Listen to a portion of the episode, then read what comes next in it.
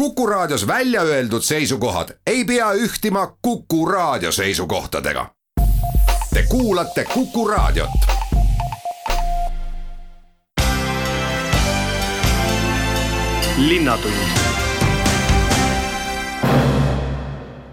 Tere, täna võtame esmalt kõneks Kesklinna kultuurikeskuse rajamise, seda ühe arhitektide suu läbi, millise koha ja miks ta välja pakub, sellest siis esimene intervjuu. pärast seda aga koolivaheajast ja võtame ette Ahhaa ja Ihaste ratsakooli. seejärel räägime elurikkuse uurimisest ehk mida kahe ülikooli teadlased Tartu linnakeskkonnas hakkavad toimetama ja lõpetame ERMi kirjajooksu ja näitusega Õige keha, vale keha intervjuudega jutte juhib Madis Ligi.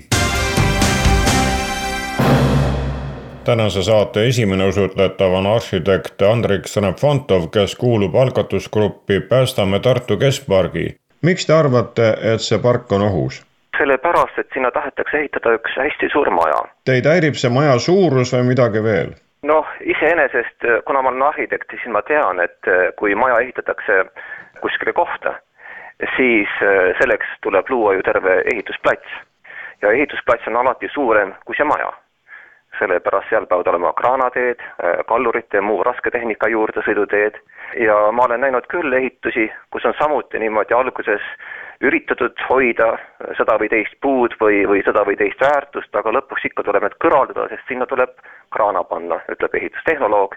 Äh, sellepärast, et eriti veel tänapäeval, kui need ehitustähtajad on väga ranged ja, ja tulevad suured trahvid, kui, kui tähtaegadest kinni ei peeta. kui suureks teie algatusrühm on kasvanud ja kes selle moodustavad? Mina suhtlesin alguses viie inimesega, äh, kellega kohtusime kõik Facebookis, aga kuna ma ise olen tallinlane praegu, ma olen päritolu poolest Tartust,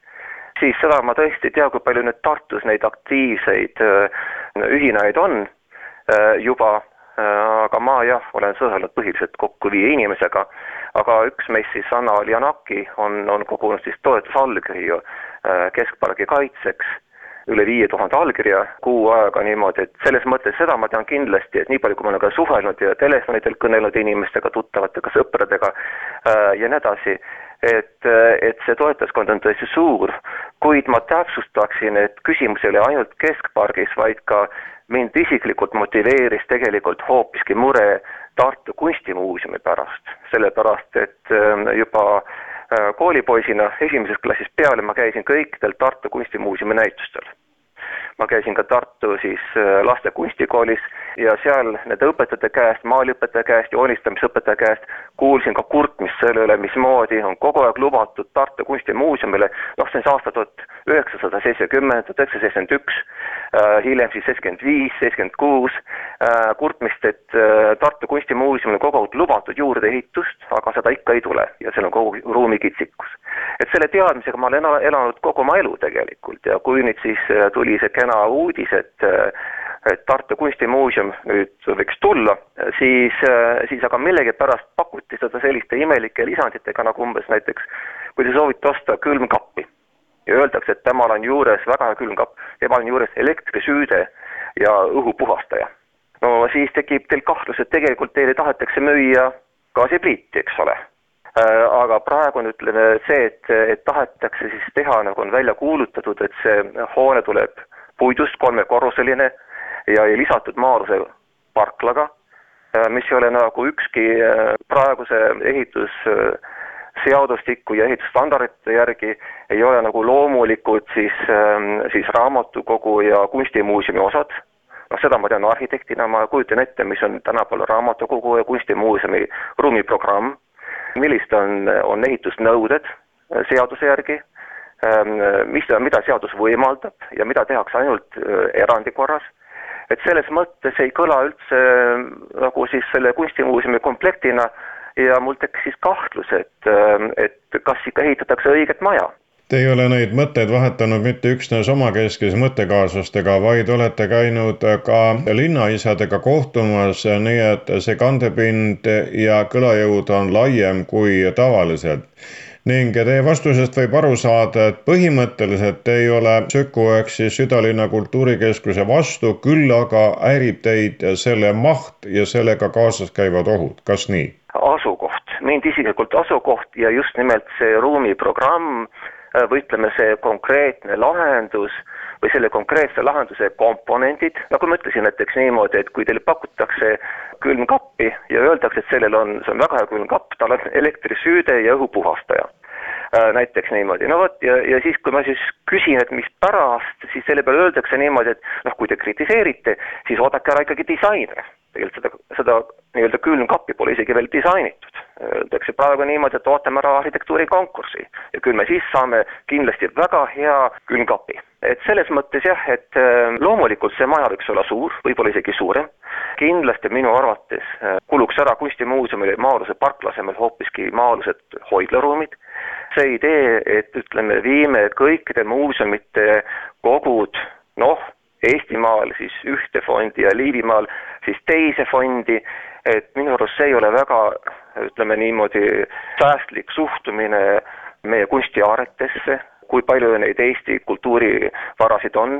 aga see oleks ju nagu niimoodi, et panna ju munad kõik ühte korvi, minu arvates võiks olla igal äh, muuseumil, kellel on vääriline kogu, võiks olla ka oma hoidla et selles mõttes ütleme, et, et nagu ots otsaga hästi kokku, sest Tartus on ju veel teisi probleeme. siin meil tulevad liiklusprobleemid, kesklinna ju liiklus on umbes, inimesed ei taha mitte ainult ütleme keskpargis jalutada, nad tahavad üldsegi jalutada kesklinnas, aga nõutakse nagu vägisi, et peab olema seal palju parklaid, siis sellega palju autoliiklust. Ja samas räägitakse, ma tegin otsingu Tartu üldplaneeringu dokumendi tekstis ja, ja seal on jalakäijate liiklust mainitud vähemalt üheksakümmend neli korda. et selles mõttes nagu üldplaneering räägib väga palju sellest, kuivõrd oluline on jalakäijate liiklus ja see on tõesti nii, sellepärast et näiteks poes, kui me räägime ärist, poes käib ikka jalakäija keegi ei sõida autoga Tartus ju poodi. samuti ka kultuuri tarbimine käib jalakäijate poolt, meil ei ole ju neid drive-in, neid autokinosid Tartus ja sellepärast tõesti on tähtis, et jalakäijatel oleks, et jalakäija oleks, oleks teatud linnaosad oleks ta kuningas ja saaks vabalt liikuda, aga samal ajal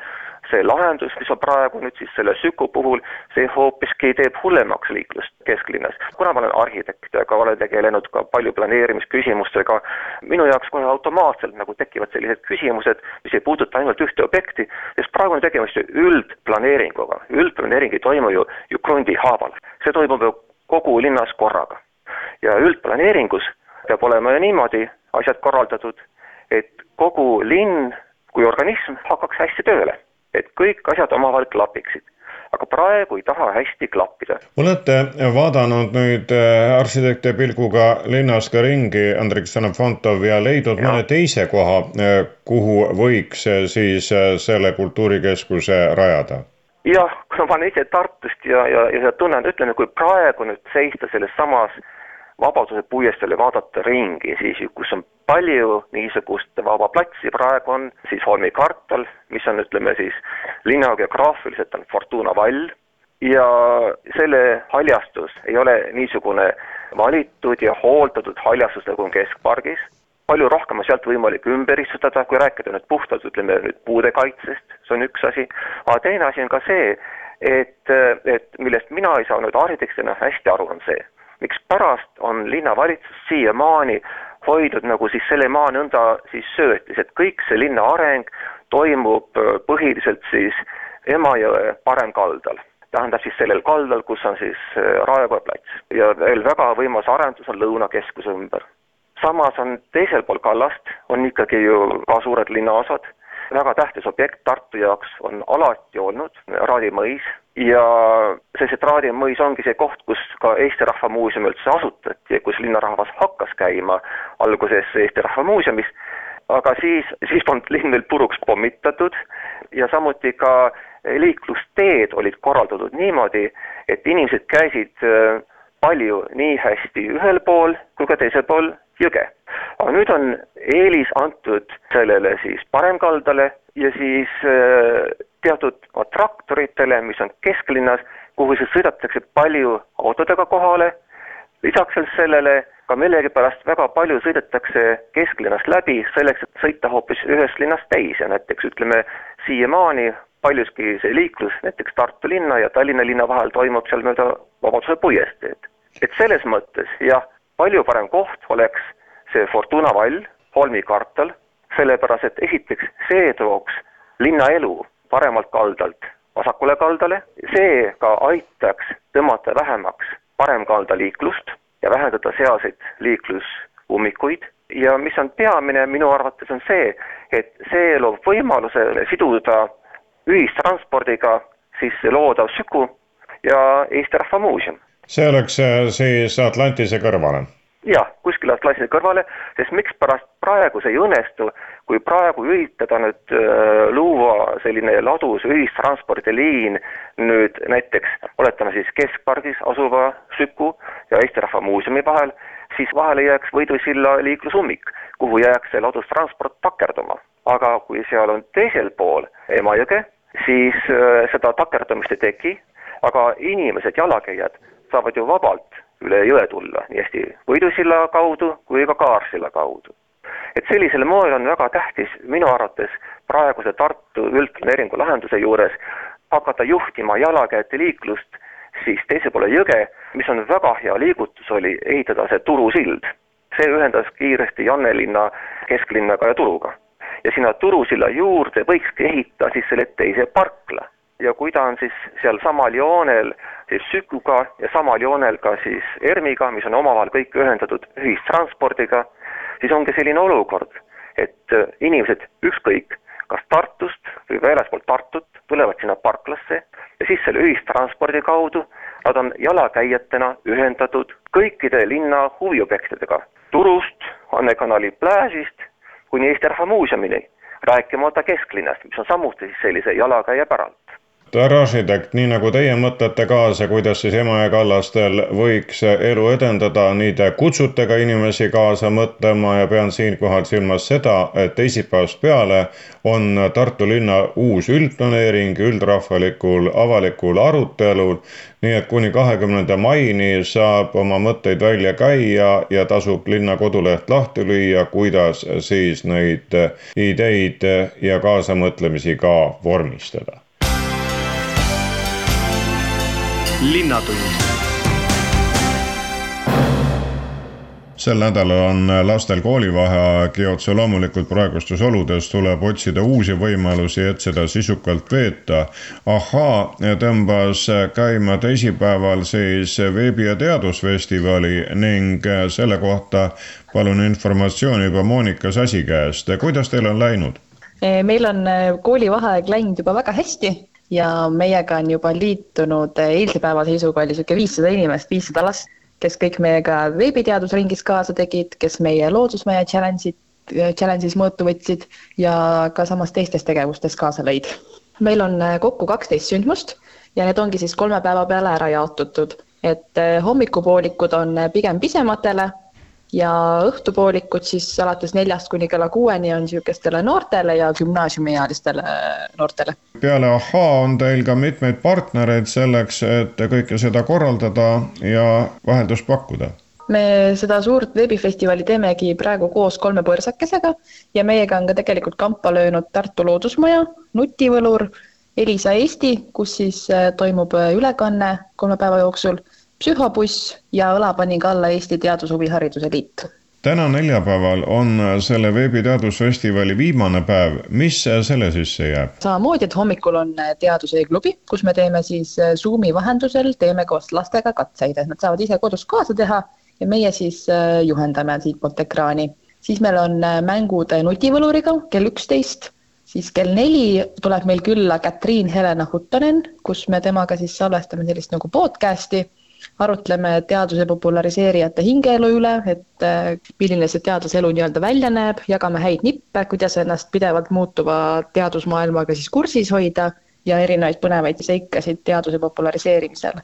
ja kell viis siis me oma programmiga lõpetame ja viimaseks ongi muusika teadusteater kus võtavad omavahel mõõtu siis nii-öelda metal ja džäss. ja siis on väike auhinnatseremoonia ka, et siin kolme päeva jooksul on erinevaid väljakutseid olnud ja siis kuulutame välja võitjad selleks, et teadusfestivalile pääseda, pole muud, kui tuleb Ahhaa koduleht lahti lüüa ja sealt saab äh, juhatuse kätte. just, et seal kodulehel on täitsa kõik äh, kenasti olemas, saab ka Facebooki ürituse kaudu, kui otsida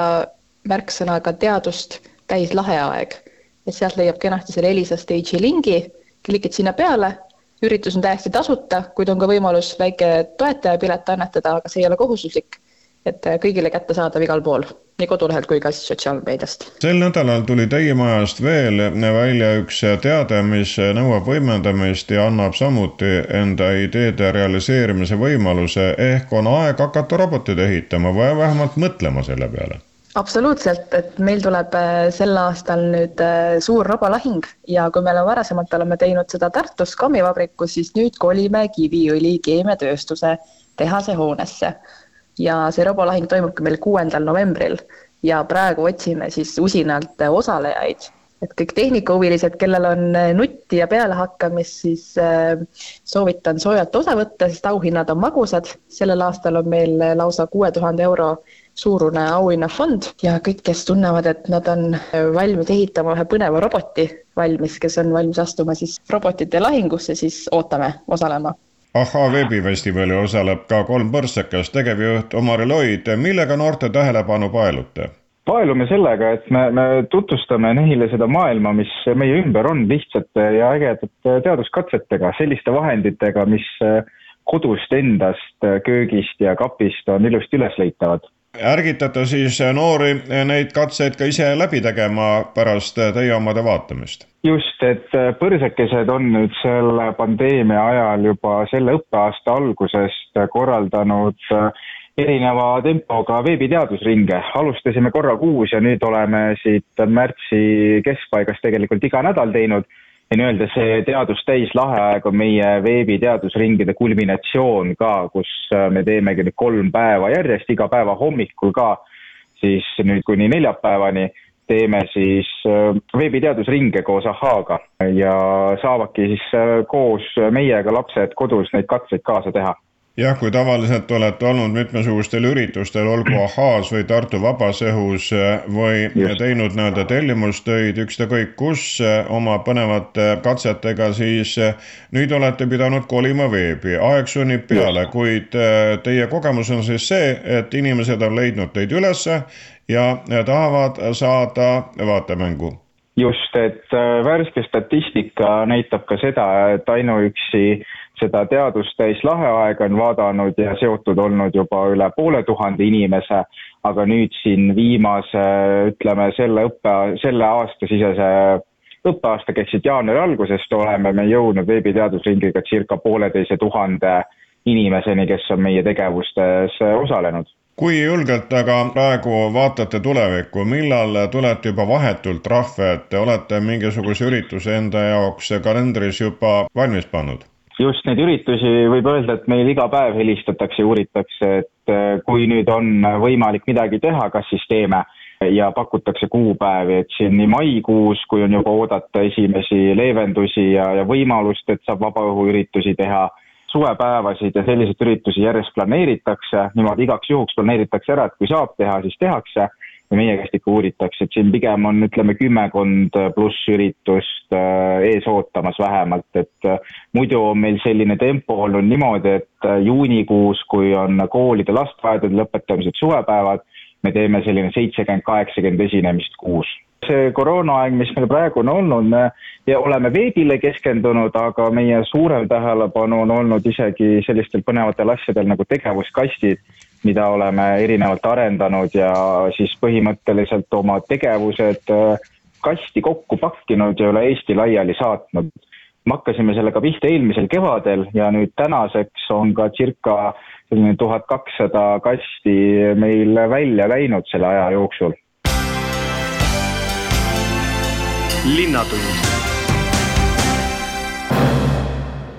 üks koolivaheaja jutt tuleb veel ja see tuleb Ihaste Ratsekoolist. Vivika Daniel on telefonil. mida teie siis olete koolinoortele pakkunud ja pakkumas? meie sellel nädalal kutsume kõiki lapsi, kes vähegi on huvitatud hobustest, ratsutamisest, kõik, kõik, mis seondub hobusega, kutsume Ihastesse. selleks on kindlasti vaja eelnev planeering et kindlasti me ei kutsu, et nad kõik tuleksid korraga meile siia kohale. aga mida me pakume? me pakume hobusega sõitmist et kümme minutit eh, saab hobusega sõita, kümme minutit saab proovida vankrisõitu ja kümme minutit saab proovida sellist eh, toredat asja nagu voltiseerimine, see on võimlemine hobuse peal. Et see ei ole küll väga niisugune kaskadööritrikke me ei tee, aga lihtsamaid harjutusi, mis annab last, lapsele selle tunde, et seal hobuseles on päris turvaline, mõnus olla. et kõik on niimoodi kümme minutit ja otse loomulikult me räägime, mis, mis hobused söövad ja mis nad teevad ja on tallis ka inimesed, kes äh, saab natuke talli vahel ringi vaadata seal. aga me kindlasti hoiame distantsi, me oleme turvalised tallis sees, me oleme maskidega, täiskasvanud inimesed, et selline tore, lõbus koolivaheaja veetmise võimalus on kuidas esimesed päevad on läinud? meil on päris palju lapsi käinud vaatamas, mõned küll natukene pelgavad, aga natuke on saanud selga katsuda, patsutada, siis on juba täitsa tore olnud juba.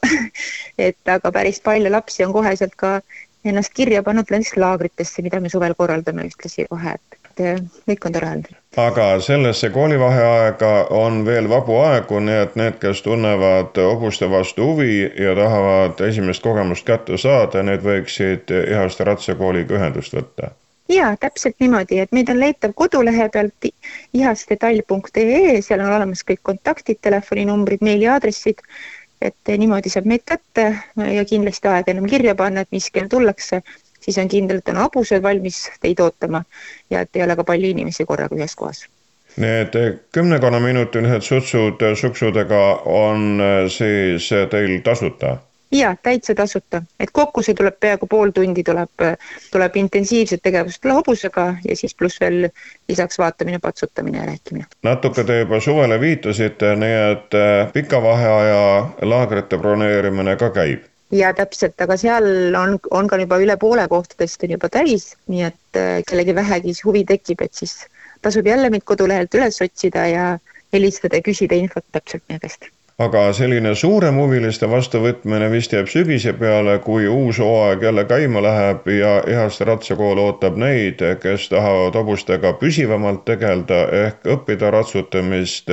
ja hobuste eest hoolitsemist no tegelikult me võtame uusi lapsi aastaringselt vastu, et me võtame täpselt, eh, meil, kuna meil on tasemeõpe, siis me eelnevalt tutvume esimese eratunni ajal, et mis, mis tasemel laps on, mis ta oskab juba, mida ta ei oska, siis paneme vastavasse gruppi ta juba käima. et eh, me nüüd ootame küll nende piirangute lõppemist, siis me saame hakata alustada ilusti jälle oma ilusti grupitöid, nii nagu algselt see oli et aga meil päris palju lapsi juba, juba järjest tulevad proovitreeningutele, et nii kuna see piirangute periood lõpeb, nii nad äh, ühinevad meie grupitreeningutega, nii et et meie tegelikult hooaeg, suurem hooaeg läheb juba kohe varsti käima, et siis on väljas soe mõnus ja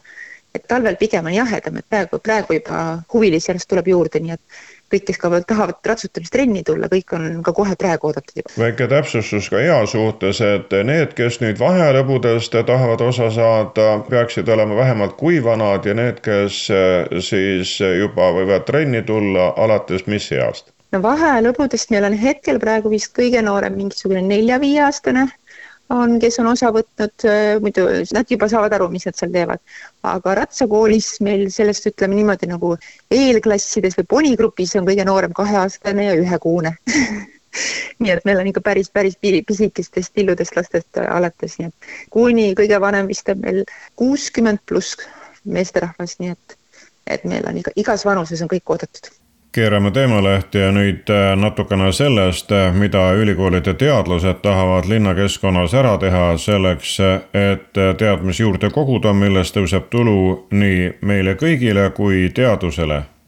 botaanikaprofessor Meelis Pärtel, mis teil ees seisab?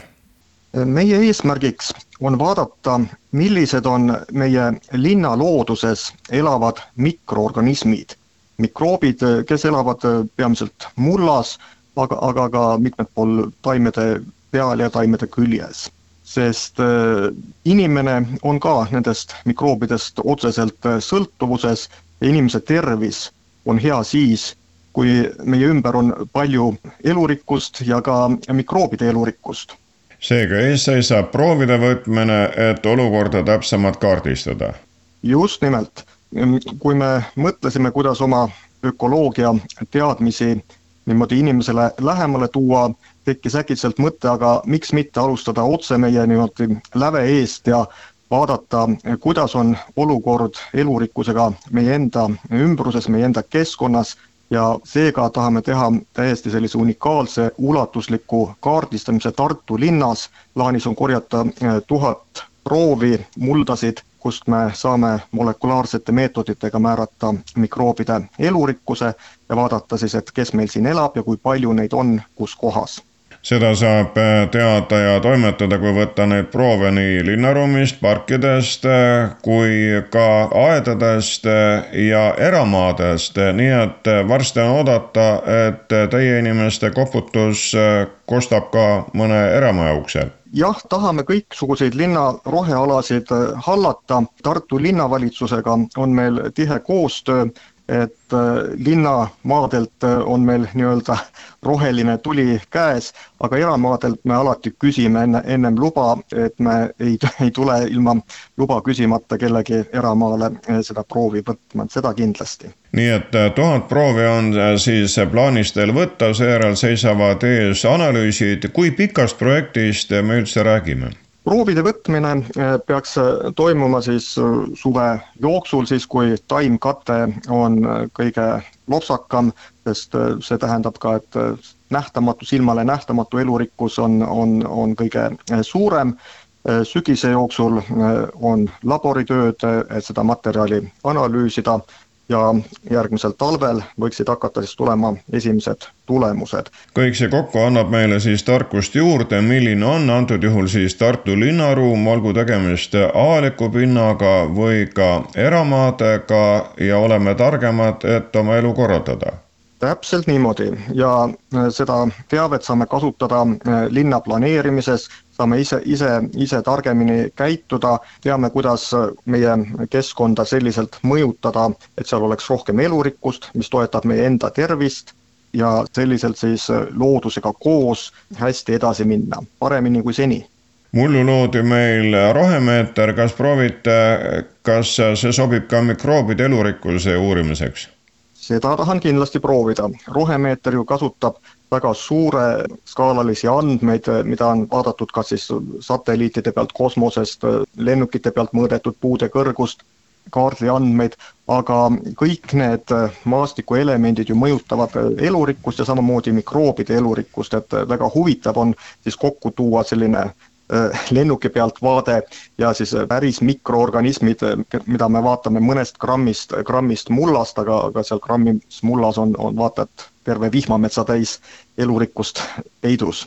et toome need, need uuringud kokku küll, jah mõtteid on tõesti vaja arendada, sellepärast et me oleme tahes-tahtmata loodusest ja elurikkusest kaugenenud, suur osa inimesi elab linnades, toimetab linnades ja see linnakeskkond on tegelikult inimesele võõras ju, me oleme pikka aega ela, elanud looduse keskel, miljonite aastate jooksul on inimene, tema eellased loodusega kokku puutunud. Ja kui me nüüd oleme eraldi, siis esialgu võib-olla ei tundugi midagi halvasti, aga, aga hakkavad tekkima mitmesugused sellised haigused, mis on just sellest tingitud, et me, et me oleme võõras keskkonnas. me oleme praegu linnakeskkonnas, mis ei ole meile loomuomane ja seal on nii, nii psühholoogilisi kui ka täiesti füüsilisi vaevuseid, autoimmuunhaiguseid, et selles projektis me teeme koostööd ka Tartu Ülikooli Kliinikumi lastearstidega, mis äh, tõotab väga palju ka uut informatsiooni, sest nemad on ka uurinud, kuidas laste tervis sõltub äh,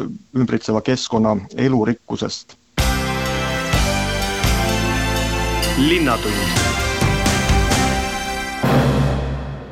tänase saate kaks viimast intervjuud on seotud oma keha eest hea seismisega ja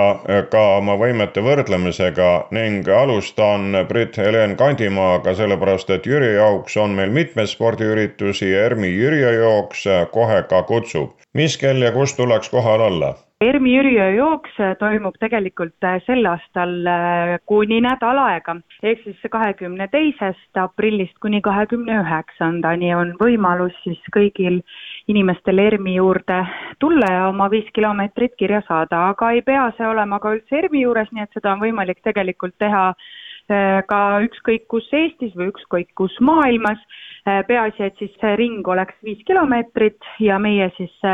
kogume enda kodulehele ja ajavõtusüsteemi siis nutitelefoniga või spordikellaga üles korjatud äh, aegu. mitu tiiru tuleks ERMi majale peale teha, et viis kilomeetrit täis saada? meie oleme ERMis ära märgistanud raja, mis on täpselt viis kilomeetrit, nii et äh, täpselt äh, üks, üks viiekilomeetrine ring kas see kulgeb mööda maastikku või mööda betoneeritud äh, vana lennurada? seal on äh, nii mõndagi, mõlemat, eks ole, et seal al alguses on jah, see pigem mööda betoneeritud äh, lennurada, aga hiljem on see siis läbi imeilusa pargi, mis ERMi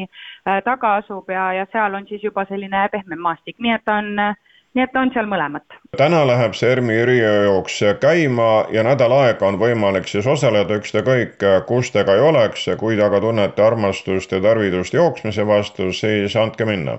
just nii, täpselt. kas tuleb tulla lihtsalt starti või peab enne ka oma tahtest teile teada andma, registreerima? jaa, et registreerimine toimub kodulehel heategevusjooks.ee ja mis veel selle juures väga oluline on, on see et viiskümmend protsenti osalustasudest siis läheb äh, Tartu Ülikooli Kliinikumi kaudu Pepleri ravikodu psühholoogilise siis äh, ravi eesmärkidel toetuseks. Kui vaadata eelmiseid aastaid, siis muidugi tingimused on olnud teistsugused, aga sellest jooksust osavõtt on olnud populaarne jaa, absoluutselt, et äh, sel aastal meie korraldame esimest korda Smile Run jooksusarja, mille siis raames tegelikult Ermi Jüriöö jooks ka esimene etapp nii-öelda ongi Ermi Jüriöö jooks. lisaks sellele on võimalik ka mitte ainult enda nutitelefoni ja, ja telefoniga seda salvestust äh, telefoni saada, vaid meil on ka sinna ERMi juurde üles pandud nii-öelda iseteeninduslik kapp, kus siis inimesed, kes siis on meie üritusele registreerinud, neil on võimalik siis äh, õigete juhtnööride järgi järgi